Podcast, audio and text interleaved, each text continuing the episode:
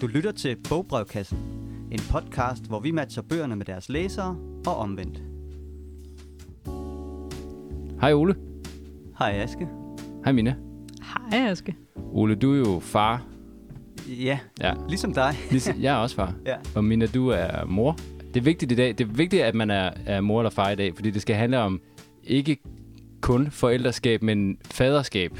Og øh, det skal det, fordi vi har fået et rigtig sødt og godt læserbrev fra Ida. Og, og man kan nok også høre, at jeg er sådan lidt grødet i stemmen. Det har været min forberedelse til det her. Det er at sørge for at sove så lidt som overhovedet muligt. Det er nemlig sådan lidt faragtigt. Og, øh, og, det, og det kommer vi også til at kredse om i dag. Men øh, inden vi når derhen, så synes jeg i virkeligheden bare, at vi skal kaste os ud i, i læserbrevet. Siger du Øhm, ikke, Mina? Jo, men jeg vil gerne læse det højt, fordi jeg synes, det er så fint. Kære bogbrevkasse. Jeg har før skrevet til jer og været så heldig, at mit brev kom til at danne grundlag for et fantastisk afsnit om mytologisk stof i litteraturen. Så først og fremmest tak for det. Selv tak. Nu er jeg i blevet gravid og sluger den ene vidunderlige roman om moderskabet efter den anden. Jeg har læst Olga Ravns Mit Arbejde, Rachel Cusks Et Livsværk og Dy Plambæks Til min søster. Men som kommende far synes min kæreste kærestes muligheder for at spejle sig i litteraturen derimod at være stærkt begrænset. Hi- How-to guides ala Vågn op, makker, du skal være far, er der nok af. Men hvor gemmer den poetiske og prosaiske faderskabslitteratur sig? Det mysterie håber jeg, I kan hjælpe med at opklare. De bedste hilsner fra Ida. Og Ida, det er et virkelig godt spørgsmål. Og vi står som altid til tjeneste. Men øh, vi kom lidt på arbejde. Det må man sige. Altså, vi har været... Øh, vi har været lidt vidt omkring, og, og det er vel heller ikke forkert at sige, at det er nogle meget forskellige former for, for faderskabslitteratur, mm-hmm. vi har med i dag. Jeg har læst nogle af de bøger, hun nævner. Øh, hvad hedder den? Min, min søster. Øh, Ja, Til min søster. Så, til min søster, ja. Så det kan jo godt være bøger både til hende og, og til ham. Det er faktisk en vigtig pointe. Der har jo virkelig været en, en udvikling i det der moderskabslitteratur. Det har fyldt enormt meget, og de bøger kommer stadig. Men der er ikke, det er ikke ligesom blevet spejlet af noget lignende om at være far. Og selvfølgelig er der mange af de der oplevelser, der er de samme, men der er også nogle helt andre oplevelser ved at være far. Gætter jeg på. Nu kigger jeg på de to fædre. Ja, altså, jeg, det tror jeg helt klart, der er. Jeg ved jo af god grund ikke, hvordan det er præcist at være mor, men nu har jeg været tæt på en. Og, og ligesom Ole også læst nogle af bøgerne her, og, øh, og det er måske lidt ligesom, man skal øh, i virkeligheden øh, læse den avis, som man ikke er enig i, for at få et godt indblik. Det, det kan måske være det samme, så, så jeg synes egentlig, det er fint at sige, at selvom vi kredser om faren i dag i litteraturen, mm. så, øh, så er det lige så vigtigt at læse for moren. Som Om- en af vores kolleger også tit, tit siger det med, om, om man læser med et spejl eller et, i et, et vindue. Mm. Om, øh, om, ja, om man spejler sig selv, eller, eller læser i den avis, som øh, man ikke er enig i. Ja. Eller, Præcis. men, men det er klart, der er øh, der, der, der kan være en følelse af fællesskab, tænker jeg. Et et faderligt fællesskab, når man, øh, når man læser øh, øh, bøger skrevet af fædre til fædre. Øhm, Ja. og, og det er sikkert både på godt og ondt. Men jeg tænker i hvert fald, at, at identifikationen og genkendelsen, øh, nu, nu ved jeg jo ikke, om, om Idas øh, kæreste eller mand er blevet far i mellemtiden. Øh, Nej, brevet er fra december. brevet så fra det, december. det ved vi ikke. Måske. Nej, vi, måske. Der er jo lidt at forberede sig på, og måske også noget, han kan hive frem, når nu barnet er der, og han er ude at Mm. trille en tur, som, som kan, være, kan være rart, både når det er svært, og når det er nemt at, at finde sig selv i på en eller anden måde. Men en ting, der er lidt interessant ved de bøger, vi så har fundet frem i dag, det er, at sådan en klassiker som en ny klassiker som Mit Arbejde af Olga Ravn, der er jo en far. Så selvom det er en, en, en roman, der handler rigtig meget om moderskab, så er der også en far. Men i rigtig mange af de bøger, øh, i hvert fald som jeg har haft med øh, og kigget på til det her øh, emne, der er, øh, der er faderrollen ligesom central, fordi der ikke er en mor. ja. Det er, en, det er en Øhm, nødløsning. ja. ja. Ja, altså du bliver ligesom øh, far, og det er vigtigt nok til at skrive en roman om, fordi der ikke er en mor. Mm. Ja. Og i virkeligheden, så tror jeg, at der nok skal komme nogle flere romaner, som handler om faderrollen, men ikke sådan som en nødløsning eller som en sådan tragedie, fordi at der ikke er en mor. Mm. Øhm, men separat, som måske spejler lidt mere den hverdag, som, Mm. som man har. Helt klart. Der, der kan jeg måske udjævne lidt med nogle af dem, jeg har med i dag, hvor der trods alt faktisk er en mor Okay. til stede også. Ja. Ja. Jeg synes, mange af dem, der har været også tidligere, så er det en far, og han er sikkert en enlig far, og så er der et eller andet øh, thriller-plot, eller et eller andet, som, som kører, øh, eller vi er ude i noget kriminalitet, eller sådan noget. Så, så tit har det ikke været det, øh, det væsentlige, at, det har været, at han har været far eller faderrollen, men det har været noget andet, der har været sådan et handlingsplot, der ligesom har, har drevet historien videre. Så det, øh, det er mange af dem, jeg synes, jeg har stødt på. Klart. Ja. Det er også det er som om faderskabet ikke i sig selv er, en, er et stort nok emne til at kunne fylde en, en hel bog. Det kan være, det er det, der har været. Ja, det er det, der har Øh, været udfordringen, men ja. det, det er det jo. Det er det. det er og det. det, jeg tror, de bøger kommer. Men som, som vi måske også lige kan nævne, det er jo ikke fordi, der mangler bøger om øh, faderen. Mm. Øh, dem er der rigtig, rigtig, rigtig mange af. Øh, men det er jo tit den fraværende, eller den, Mm. den grusomme, eller den svigtende far, som fylder Mm. rigtig meget i litteraturen. Mm. Og vi har valgt at fokusere på øh, den nærværende far, øh, og så også faren til det lille barn. Ja, Fordi præcis. vi tænker, det er lidt af det, Ida spørger til her. Lige akkurat. Og noget af det, som jeg også øh, ser øh, Ida spørger efter, er jo øh, også nogle bøger, som tør øh, også fortælle de uskønne sider af, af faderskabet. Øh, lidt ligesom man også har set det i nogle af de romaner, hun nævner om moderskabet. Et af de, øh, de emner, vi, øh, vi, vi har talt om, øh, fylder noget, det er ansvaret. Det nye ansvar, der indtræffer, når man ligesom øh, skal være far. I min jagt efter farbøger, så faldt jeg blandt andet over øh, øh, Nikolaj Søjdens oliebål. Det er ikke, fordi jeg vil gå så meget ind i den, men faktisk bagsidedigtet sådan varsler måske ansvarsrollen på en måde, som jeg synes er øh, sjov. Det lyder sådan her. Far ved, at krisen er lige om hjørnet. Han ved, at det kommer til at gøre ondt. At han er dårligt rustet. Far ved, at han kun kender vækstens livsform, og at han aldrig vil kunne omstille sig. Far ved, at verden, som han kender, den styrter i grus, og far ved, at han ikke er parat. Sådan der. Jamen, det er jo meget fint. Det, er jo sådan, øh, det står lidt i, i kontrast til de der bøger om, sådan, øh, sådan overlever du din kone i øh, 40 uger. -agtigt. Præcis. Det her Bøger. det er mere opgivende. Han ved, han kommer ikke til at lykkes. Han ved, at det bliver øh, en umulig opgave. Ja. Men jeg har også øh, noget, jeg gerne vil læse højt. Det er faktisk den eneste bog, vi har med, som er skrevet af en kvinde. Mm. Øhm, og det er også den ældste bog. Det er, jeg vil gerne læse lidt højt af Kejseren øh, af Portugalien, af Selma Lagerlöf. Den er fra 1914, så det er en ældre sag. Men det var en af de første bøger, jeg kom til at tænke på, fordi den handler om øh, en, øh, en mand, der selv mener, at han er den fattigste mand i sovnet. Og som sådan forholdsvis gammel, der gifter han sig, fordi han er træt af at være øh, karl på andres gårde. Han vil gerne være selvstændig, og det, det kan man så åbenbart gøre på det her tidspunkt ved at gifte sig. Men det kommer der et barn ud af, og det havde han ikke. Det var han ikke forberedt på, og det har han absolut heller ikke ønsket. Pokkers. Ja, bomber. Han hedder øh, Jan, og efter den her fødsel, så står Jan med barnet, fordi moren skal lige komme sig, og det vil jeg lige læse lidt højt af. Han stod nu med noget i hænderne, der var varmt og blødt og pakket ind i et stort sjal. Sjalet var slået så meget til side, at han kunne se det lille rynkede ansigt og de små visne hænder. Han stod og spekulerede på, hvad kvindfolkene vel tænkte sig, at han skulle tage sig til med det, som jordmoren havde lagt i favnen på ham. Og der fik han et stød, så det gav et sæt både i ham og barnet. Det kom ikke fra nogen af de andre, men om det gik fra den lille pige eller fra ham selv til den lille pige, det kunne han ikke gøre sig klart. Straks efter gav hans hjerte sig til at banke i brystet på ham, som det aldrig før havde gjort, og i samme øjeblik var han ikke længere for frossen. Han var ikke for knyt og bekymret, og heller ikke gnæven. Men det var godt alt sammen. Det eneste, der ængstede ham, var, at han ikke kunne begribe, hvorfor det bankede og hamrede sådan inde i ham. Han havde jo hverken danset eller løbet eller klatret på stejle bjerge. Åh, vær så god og læg hånden her og føl, sagde han til jordmoren. Jeg synes, mit hjerte banker så sært. Ja, I har ordentlig hjertebanken, sagde jordmoren. Det plejer I måske ikke at have. Nej, det har jeg aldrig haft før, forsikrede han. Aldrig sådan da. Er I syg? Har I ondt nogen steder? Nej, det havde han ikke. Der kunne jordmoren ikke forstå, hvad der var i vejen med ham. Jeg vil for en sikkerheds skyld skille jer af med barnet, sagde hun. Men der følte Jan, at barnet, det ville han ikke af med. Nej, lad mig beholde den lille tøs, sagde han. I det samme må kvindefolkene have læst noget i hans øjne, eller hørt noget i hans stemme, der fornåede dem.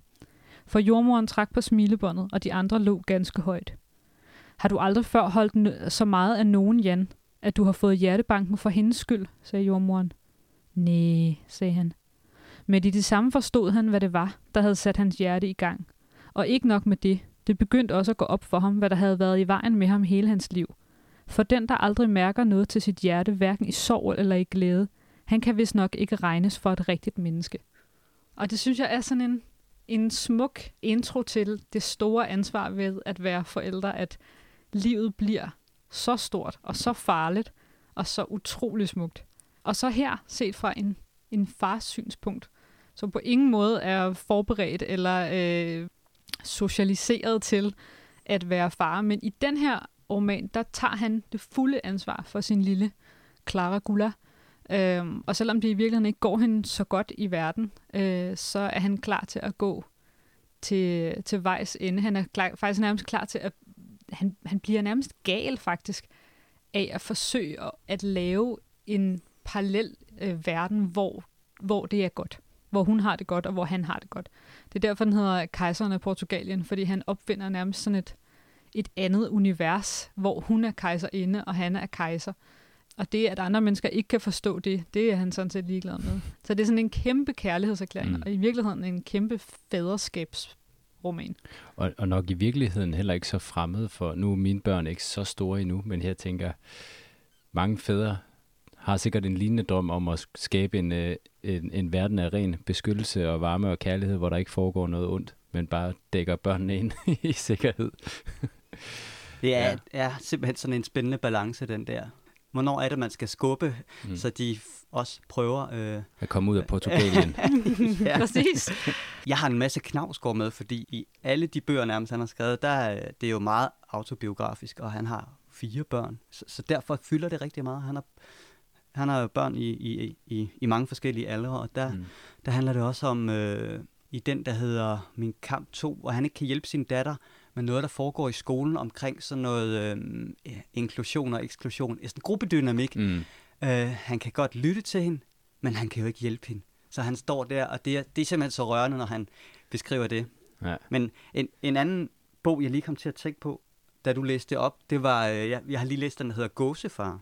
Mm han beskriver et, et forskningsprojekt, hvor øh, de skal udklække øh, gæs, som de skal bruge til at, øh, altså han skal flyve med dem, og så skal de bruge det til at øh, øh, kigge på vejret, altså sådan nogle vejrfænomener og sådan noget. Så det, det er projektet, der de skal have, de skal op og, og køre. Der skal han jo være, øh, han skal udklække dem, og han skal være far for de her gæs. Og det er ligesom vi har set i de der Disney-film med, at hvis de der fugle, de, det første de ser, det er simpelthen det, de forbinder med deres far eller mor eller den voksne. Mm. Så, så det, han, bliver, han bliver simpelthen far for syv, øh, syv gæslinger.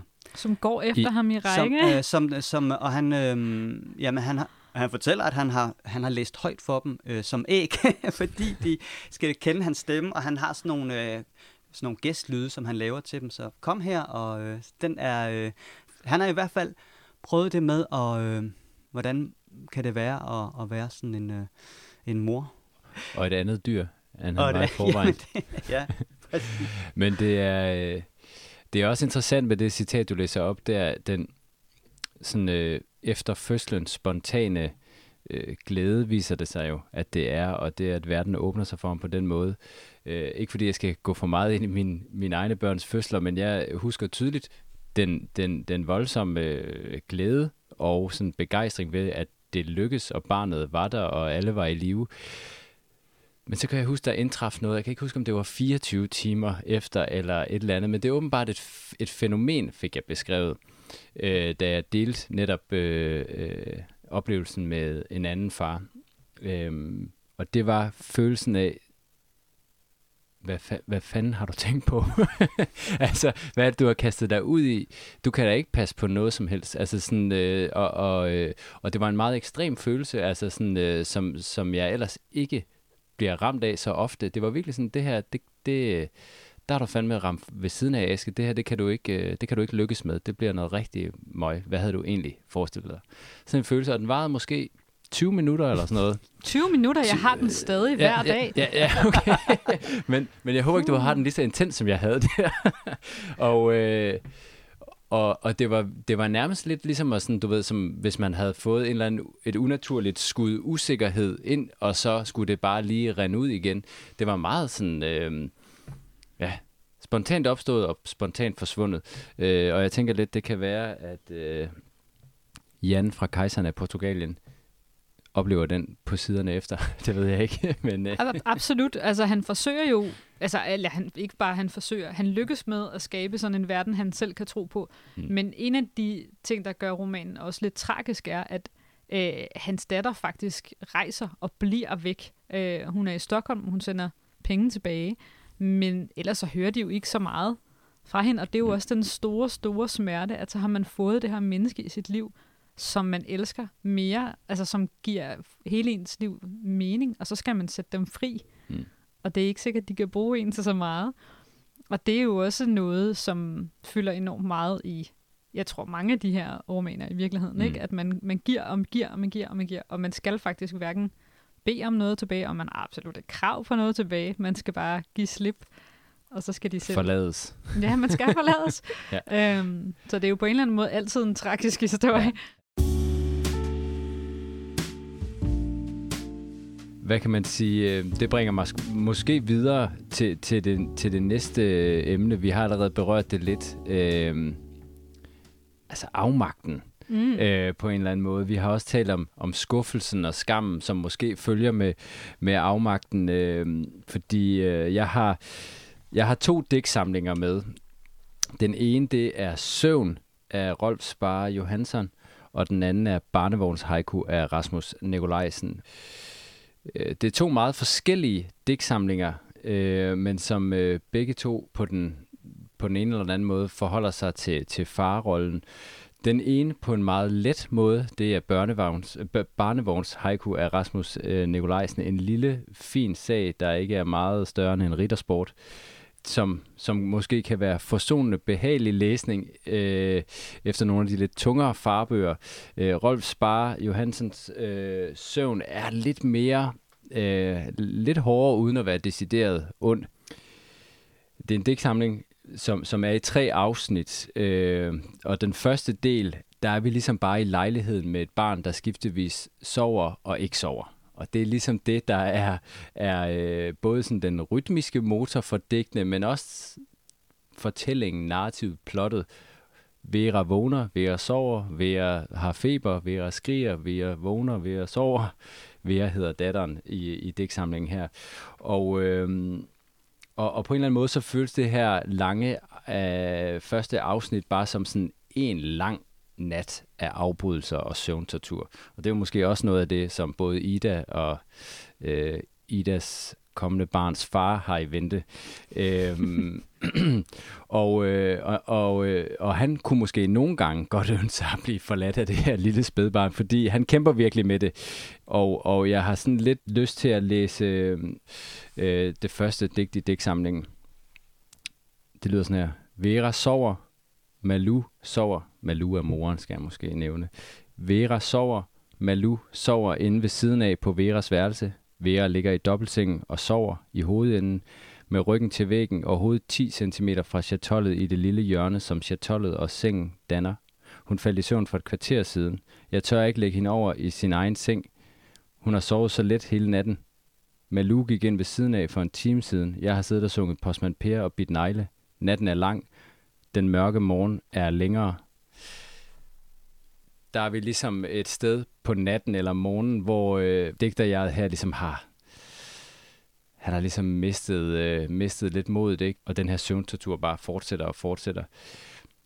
Og det vækker jo sådan en dyb, dyb genklang, tror jeg, hos de fleste, der har, øh, har haft eller har små børn. Altså øh, det der, øh, den store tvivl, især med måske det første barn, at man mm. simpelthen ikke ved, altså der må være et trick til det her, der må være en måde at gøre det her på, men man ved ikke, hvad det er. Altså derfor, så, når de endelig sover, og når man endelig får et øjebliks ro, så kan man slet ikke finde ud af at bruge Nej. den tid til noget som helst. Man kan tør ikke at sove, for tænk nu, hvis de vågner igen lige om lidt. Ikke? Præcis. Ja, og, der, og, det, og, det, og det er lige akkurat, hvad der sker for, for digterjeget her. Han, øh, de skiftes hele tiden, moren Malu her, og, og, og digter jeg faren, mellem at sådan, tage barnet og være den, der skal skynde sig at få noget søvn, så man er klar til at tage over om en time. Og, øh, og han bliver jo helt rundtosset af, af, af de her skifter ender også bare med at ligge og stige ind i en mobiltelefon og se øh, highlights fra Dortmund mod øh, Zenit, øh, bare for sådan at lave et eller andet, når ikke man kan falde i søvn.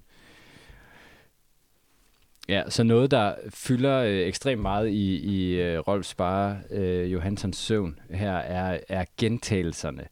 Det er jo bare ved at vågner, ved at sover, ved at vågner, ved at sover. Og der er både noget øh, sådan fortrøstningsfuldt ved, at alt gentager sig, men, men langt hen ad vejen er det jo, er det jo det, øh, også det, som, som er torturen i det, at, øh, at man aldrig rigtig kommer på den anden side af det.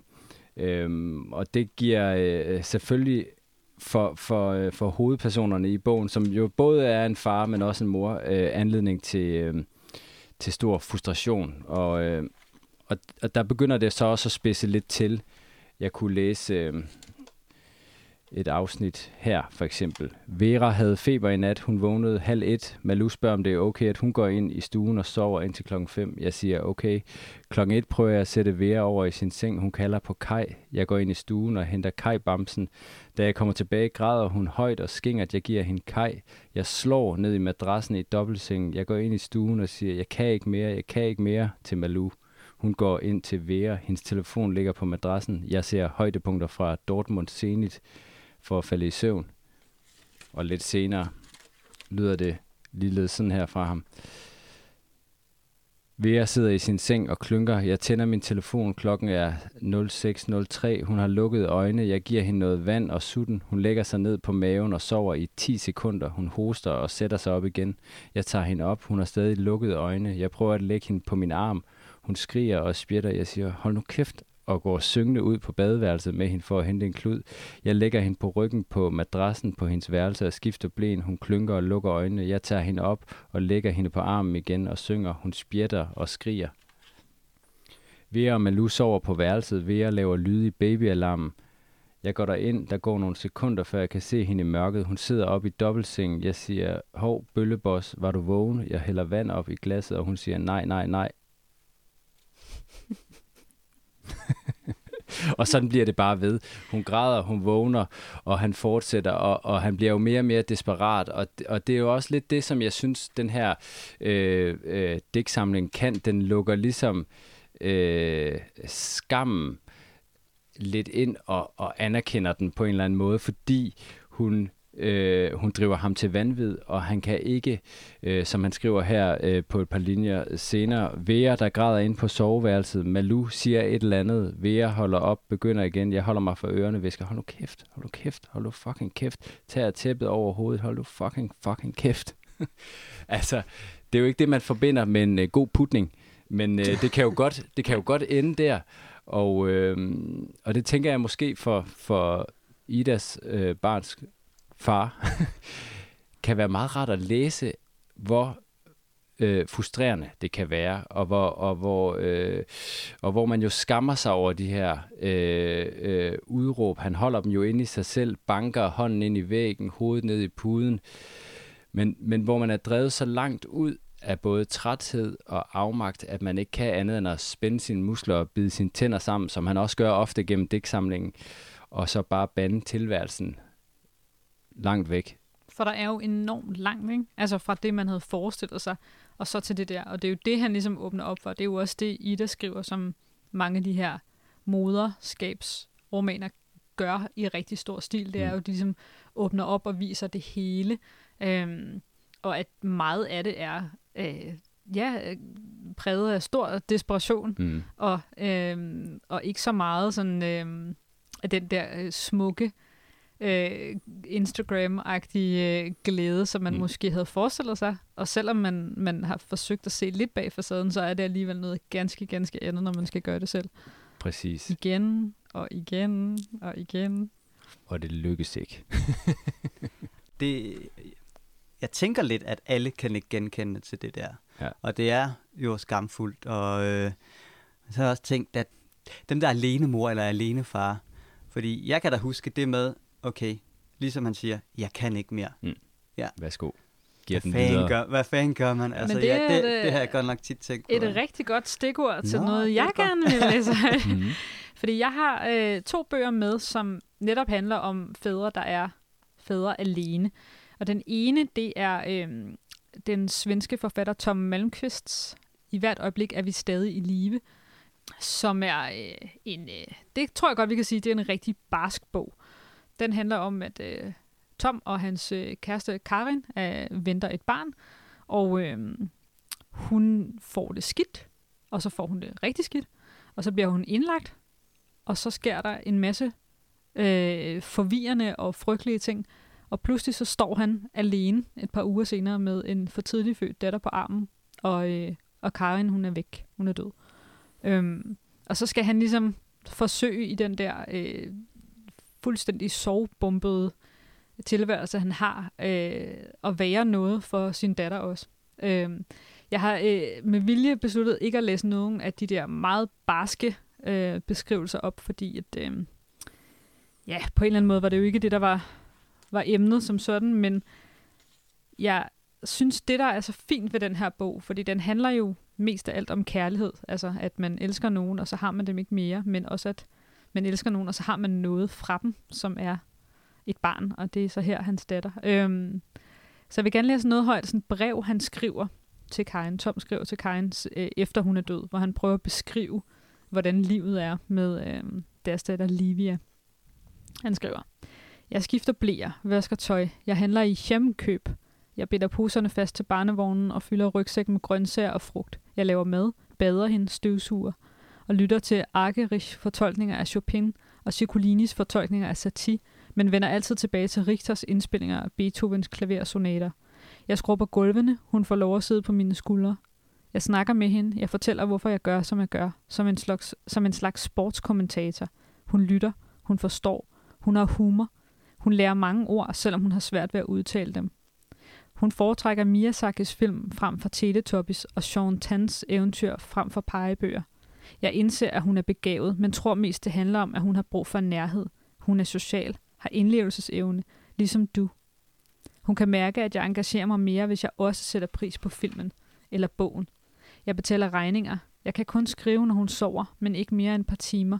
Mere kan jeg ikke klare. Jeg falder i søvn med computeren på maven, og så får hun høj feber. Hun ryster og vågner om natten. Hun kaster op og skider i sengen. Jeg får selv vinterens bræksyge. Jeg må alligevel stå op og vaske sengetøjet. Jeg står på alle fire og skuer toilettet. Jeg forsøger at få væske i hende. Jeg henter våde håndklæder. Jeg vifter hende med en t-shirt og holder tankerne om katastroferne for mig selv.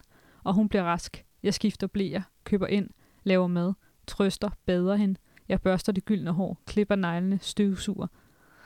Og så videre, og så videre, og så Ja. videre. Så selvom det er en bog om en fuldstændig exceptionel, tragisk situation, så er det også en bog om, hvad man skal, når man skal være alene med et barn. Og det er jo bare, at pilen altid peger på dig. Mm. Du skal altid være alt det, for der er ikke nogen andre til at være det. Præcis. Der er en lang checkliste af ting.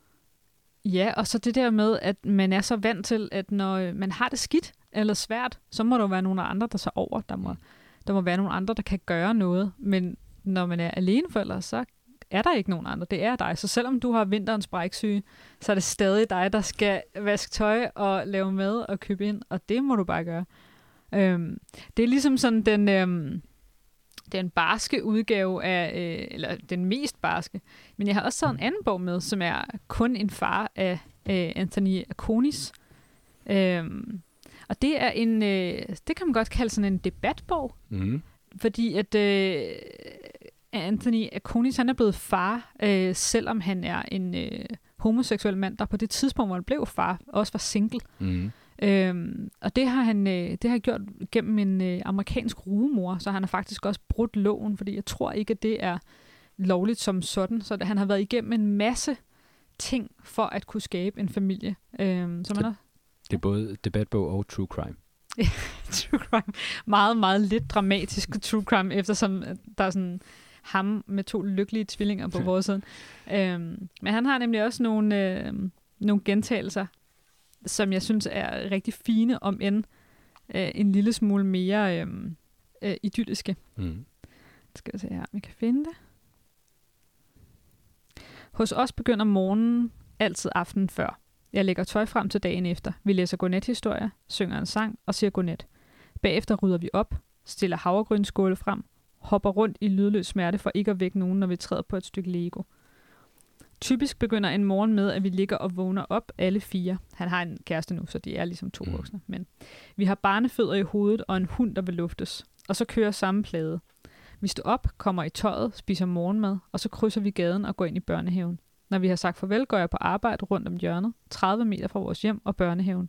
Og når klokken slår 15.45, henter jeg børnene, og vi går hjem. De får frugt, vi taler om dagen, de leger, mens de voksne laver mad. Vi spiser klokken 17.30, og bagefter bliver badekarret fyldt op. Det er den samme opskrift hver dag. Og det er jo sådan den idylliske version af, øh, synes jeg i hvert fald, af, af gentagelserne. Øh, jeg vil ønske, at, øh, at jeg kunne lykkes på den der måde. Og han er jo Ja, det lyder næsten for godt til at være sandt. Ja, man tænker, hvordan gør han det? Men altså, det skal også lige siges, at før han kommer hertil, så skal han jo virkelig grule meget igennem for at Mm. få den familie. Og der er nok også øh, et element af det, at øh, altså, om man har, hvor, i hvor høj grad man har valgt Mm. den situation, man står i. Øhm, Mm. Og hans situation er jo en ganske ny en, fordi det kan lade sig gøre. Øhm, Ja. Og præcis som du siger, han har måttet igennem mange ting, og, og en, en af de ting er jo, at han først og fremmest har haft et, et, øh, et relativt langt liv uden børn, men øh, til gengæld som succesfuld reklamemand, mener jeg det er, ikke? Ja. Og, og har, har været på de helt høje tænder inden for den branche. Derudover har han jo også været igennem nogle store kriser i form af tabet af, af en mor, mm. i en tidlig alder, tabet af en bror i en ung alder, og øh, så er det måske også nemmere at mobilisere glæden ved øh, det ensartede og ved øh, hverdagens gentagelser. Øh, han lader i hvert fald til at have lidt nemmere ved det, end, øh, end digterjeget i søvn har det ved øh, de gentagelser, han lider under om natten. der, jeg tror bare, der er, der er noget også ved indstillingen til det. Altså, øh, jeg ved ikke helt, hvor gammel Rolf Spar Johansson var, da han skrev øh, Søvn, men mm. han var i hvert fald ikke øh, midt i 40'erne, som øh, Akonis er. Øhm, og jeg tror altså, ja, altså der er også noget ved den der indstilling om, skal man gøre det her mange, mange gange igen? Skal man have mange børn? Skal de næste 10 år være sådan her? Mm. Eller er det ligesom et fuldstændig mirakuløst ting, der pludselig kan lade sig gøre, Mm. på grund af videnskaben, på grund af øh, nogle strukturer på en eller anden måde, der er sat op, så man pludselig, selvom man er en enlig homoseksuel mand, kan man få en familie. Pludselig Mm. kan det lade sig gøre. Og så sætter man, så sætter man alle sejl til. Det er klart. Øhm, så måske kan det være en opmuntrende øh, indsigt i øh, en, en indstilling, man, man kan få glæde af. Helt klart. Jeg har, jeg har også, øh, altså, glæden ved gentagelserne eksisterer også i, i den anden øh, digtsamling, jeg har med, nemlig Rasmus Nikolajsens barnevogns haiku. Den, den, den helt store forskel mellem de to digtsamlinger, jeg har her, er, at den ene har en baby, der ikke sover, og den anden har en, der sover. Fordi de her barnevogns haiku er... Øh, får vi ligesom forklaret, at alle de her digte er skrevet på barnevognsture med øh, forfatterens datter i perioden 14. februar til 11. maj 2018. Og det, der øh, går igen her, øh, haiku-formatet er jo selvfølgelig det slående ved det, men, øh, men det er også helt små betragtninger, som kun kan lade sig gøre, når man har en sovende baby. Han, øh, han taler om, at øh, hvordan det føles rart at stå stille, i stedet for at gå hurtigt. Øh, han noterer sig, øh, han betragter hele tiden omgivelserne omkring ham med stor ro, og, og, og, øh, og det har han jo kun mulighed for, fordi der ikke er en baby, der he- hele tiden øh, skriger og vågner og har feber, og skriger og vågner og har feber.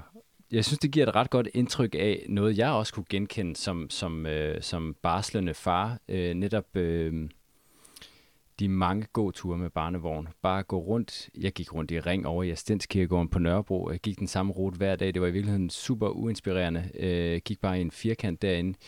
Men, men øh, den måde, som øh, den der gentagelse intensiverede opmærksomheden på verden omkring mig, at man kunne begynde at betragte små fugles øh, leg med affald og sådan som en verden, man, man zoomede ind i. Øh, det er sådan det, der er på spil her, så hvor øh, Rolf Spars søvn er sådan den lidt hårde version af gentagelserne, så, så, øh, så er der meget sådan skønhed øh, og enkelhed i de her øh, haiku-digte.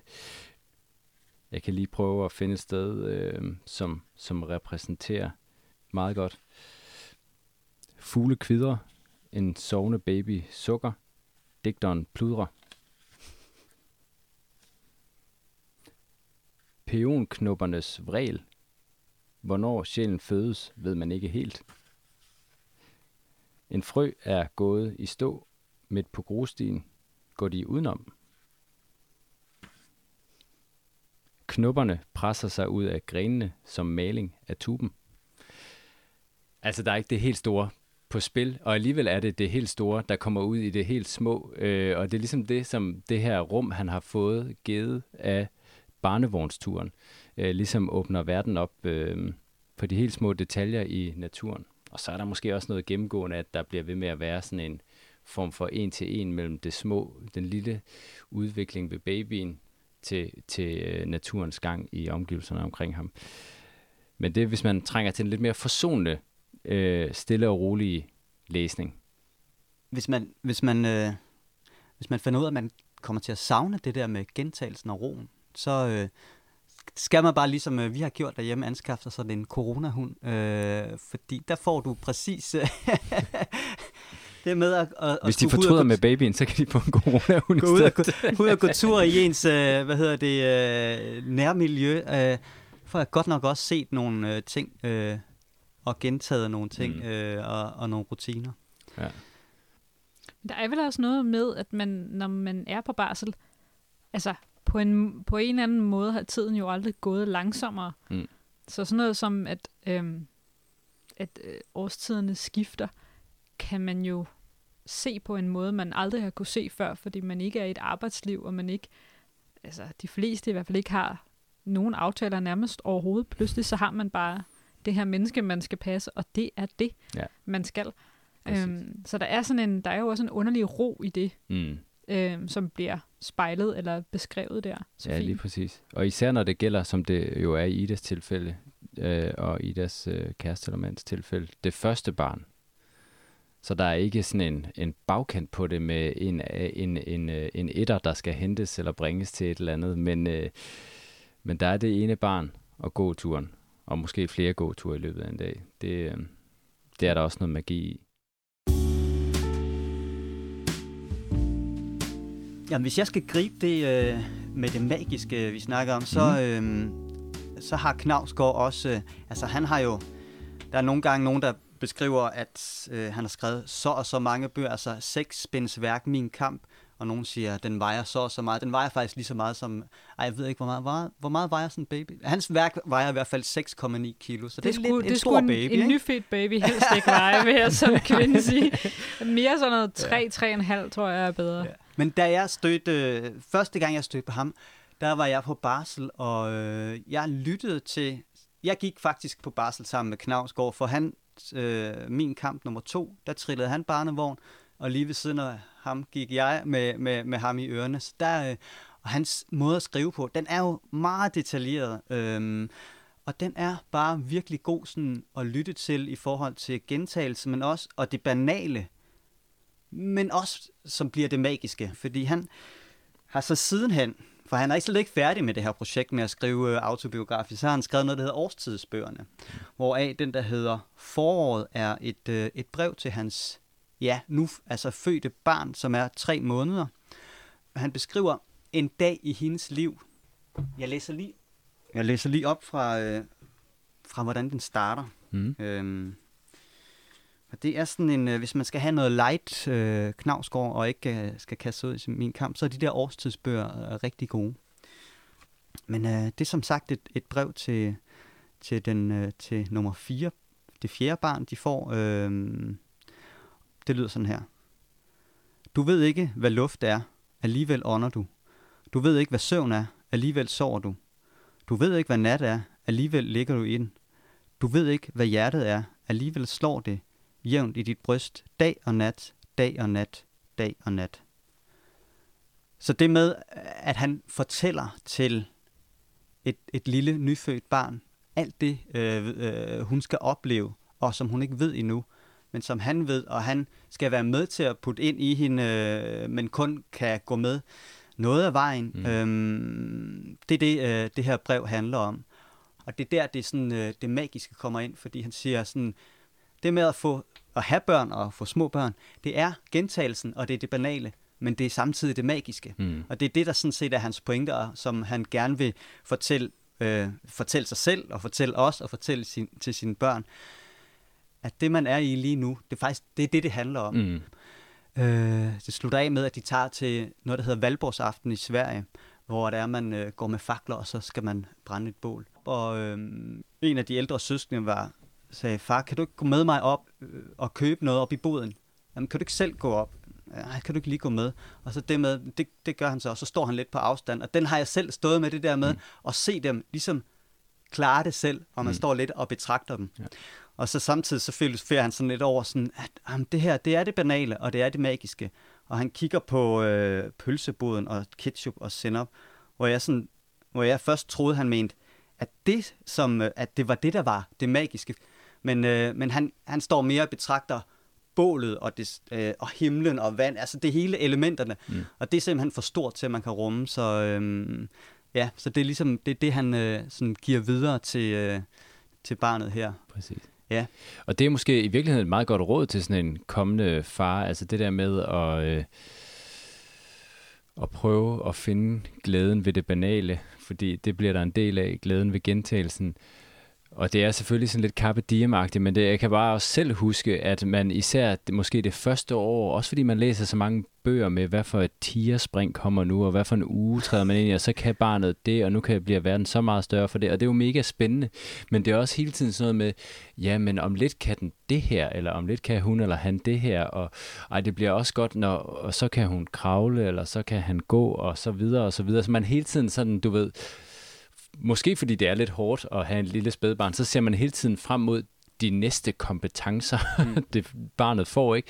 Og, øh, og der er det måske et meget godt, øh, et meget godt råd at bare øh, lige blive i det. Og det er også lidt det, jeg tager med, øh, både af det, du siger om Knavsgaard her, men også af barnevogns øh, haiku, altså sådan, ja, prøv at lade være med sådan at, at, at, at, at afvente den næste kompetence, og så bare nyde den, der lige er. jeg er glad for, at det med, den med tierspringet stadigvæk uh, sådan er, er, er aktuel. Den, den kan jeg huske, den havde, den havde vi også uh, ja. vidunderlige uger. Ja, jeg ved ikke om, jeg ved ikke, om det stadig er noget, man læser. altså, sådan, det, det, var, det eksisterede, øh, det var noget, jeg læste til det første barn, til det okay. andet barn, der havde skrottet det, fordi det var ikke noget, der... Det, det var ikke så vidunderligt på det tidspunkt. Jeg kunne ikke få det til at passe. Det passede der, der var for meget matematik i det. Men det, det giver ikke rigtig nogen mening, fordi det er ligesom en form for struktur, man prøver at presse ned over en hverdag, der ingen mening giver.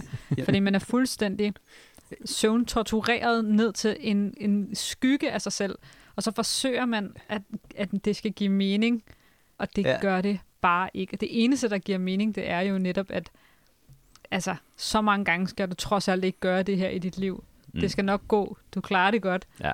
Bare ja, prøv at sove og prøv at være i det, hvis ja. du kan, og lad være ja. med at flygte videre, fordi ja. det er jo også meget smukt og en meget skrøbelig, fin tid, som er ganske, ganske anderledes end alt andet, man oplever i sit voksne liv. Ja. Jeg læste øh, indledningsvis op af Nikolaj Søjdens oliebål, og øh, jeg kunne godt bare tænke mig, i forhold til det her fællesskab af fædre, øh, faktisk at slutte af med så det første digt i Nikolaj Søjdens oliebål, som hedder Fædrene. Og det går sådan her. Fædrene i gården, fædrene om grillen, fædrene på græsset, fædrene med deres flaskeøl mod brystet, fædrene med deres korte sætninger, fædrene med deres lærredsko, fædrene i misforståede jeans, fædre med meningsløst tryk på sweatshirten, Mexican Grand Prix, Los Pontemos, Hendrix on Fire, Legend Still Alive, Canadian Wild Tracker, The Moose, fædrene med deres børn, fædrene med deres små advarsler, fædrene med deres lille angst, fædrene med deres korte pikke, fædrene med deres brystmani, fædrene med grillvanter på, fædrene med steak, fædrene med pølser, fædrene med tømte tallerkener, fædrene på toilettet om morgenen gennem århundreder, fædrene og deres avisav gennem årtier med gårdsdagens steak på toilettet, fædrene og deres korte steakpikke mellem benene i årtusinders sidning i ensomhed, fædrene afført misforstået jeans under Mexican Grand Prix, hovedets korte sætninger over grillen ned i toilettet afført fædrene. Fædrene oven på deres korte sætninger i millioner af kanadiske år. The Moose morgen efter med flaskeøl i steakpikkens lille sætning mod en advaret afført guitar Hero Grill Steak lejende. Fædrene med deres nedflaskede brystmaniske Wild Tracker pølse Still Alive med græsset langt under Los Pontimos lærresko. Avisen Aeoner mellem gårdens tallerkenvanter. Tom lille indvending fra det tømte barn. 1. Det var virkelig svært at ikke komme til at grine undervejs. Men,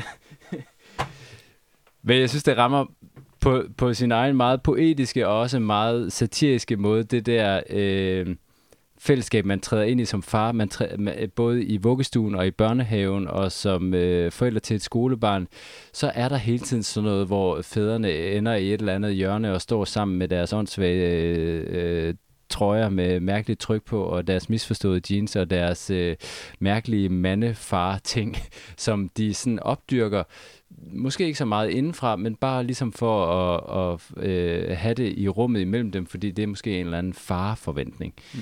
Og, øh, og jeg synes, øh, jeg synes bare, at Nikolaj Søjden er god til at beskrive det lidt fjollede ved det. Øh. Ja, man dumper lige ned i en rolle, man på en måde kan se helt tydeligt, og samtidig slet ikke kan afværge sig fra. Præcis. Man er der bare ja. øhm, ja. med de andre på legepladsen, ikke? Fuldkommen. Og det er lidt ligesom sådan med familiemedlemmer. Man har jo ikke valgt dem selv, de andre fædre, der lige pludselig omgiver en. Nej. Der er der også en, det er et herligt billede, der er på forsiden af denne her øh, digtsamling. Apropos Knavsgaard og auto, autobiografi, så, så er der i hvert fald ja, lidt der. Ja, der, ja, der er simpelthen et familiebillede på forsiden. Det er simpelthen et familiebillede med to børn, med to børn en far og en mor, ja. må vi gå ud fra. Ja. ja. Men altså, nu vi er ved øh, fædrefællesskaber og forældrefællesskaber, mm. så synes jeg lige, at jeg til allersidst vil nævne, at vi jo på øh, biblioteket har øh, et arrangement, som er til specifikt til forældre på barsel, som hedder Barnevogne og Bøger. Der er øh, et par arrangementer af, af den art i løbet af foråret, men det næste er mandag den 4. april kl. 10. Mm. Det var en time, og det er gratis, men man skal tilmelde sig. Hmm. Øh, og det kan man gøre inde på vores hjemmeside. lyngbykultur.dk ja. Så, øh, hvad er det, man kan op, altså, hvad er det, der man kan opleve på... Øh... Jamen, der kan man altså opleve, at man går i det fri med sit øh, barn i en barnevogn, og så bliver der læst højt af noget litteratur. Ja. Mm. Og det kan jo både være noget, der handler om at øh, få børn og at være forældre, men det kan også være noget, der altså er kort og let og sjovt og opløftende, som man måske også kunne få brug for, og som måske er realistisk, at man kan nå eller overskue at læse, når man mm. er på barsel. Mm. Det kan være sådan lidt af hvert, men det er i hvert fald et lille skud litteratur til barslende forældre. Og til, til barne, barnevognsturen. Yep. Må jeg så ikke også få lov til, og der tror jeg faktisk, at I to, man kan opleve I to på, ja, vi har skrevet på slap line, fordi næste gang vi har en, øh, en bogbrevkasse, så har det vi kaldt det bogbrevkassen live. Det vil sige, mm. man mhm. kan komme ned på biblioteket fredag den 1. april og opleve bogbrevkassen live og på slap line med herlige bøger. Det er det, vi... Øh, lige ja. præcis, lige ja. præcis. Ja, det bliver sådan, der bliver forberedelsen ikke at sove så lidt som overhovedet muligt. Der bliver forberedelsen at være så pumped som overhovedet muligt. Ja. Steaks. Steaks. Ja. Mexican Grand Prix. ja, præcis. Men øh, jamen altså, jeg kommer. Ja, ja, ja, det gør jeg også. ja, man skal skynde sig ja, og få nogle billetter. Og, ja. og øh, selvom der allerede er kommet øh, virkelig gode øh, øh, breve i vores øh, bogbrevkasse, så øh, skal man da være så hjertens velkommen til at sende øh, endnu flere til os. Øh, det kan være, de kan komme med til, til live-versionen, og ellers så, øh, så tager vi dem jo op her i vores, øh, i vores podcast. Øh, skriv det til info så, øh, så sørger vi for, at det bliver til en fed udsendelse. Mm. Mm. Og til et par gode anbefalinger, ikke mindst. Præcis. Ja. Men øh, Ole og Mine, Aske. Det var fedt at have som far og som mor, og som... Øh... ja, hej, hej. Nu rejser som... du hjem. Du flytter hjem fra nu. Du flytter hjem ja, ja, præcis. Nu flyver jeg. Ja. Tak for alt. ja. ja. Vi ses.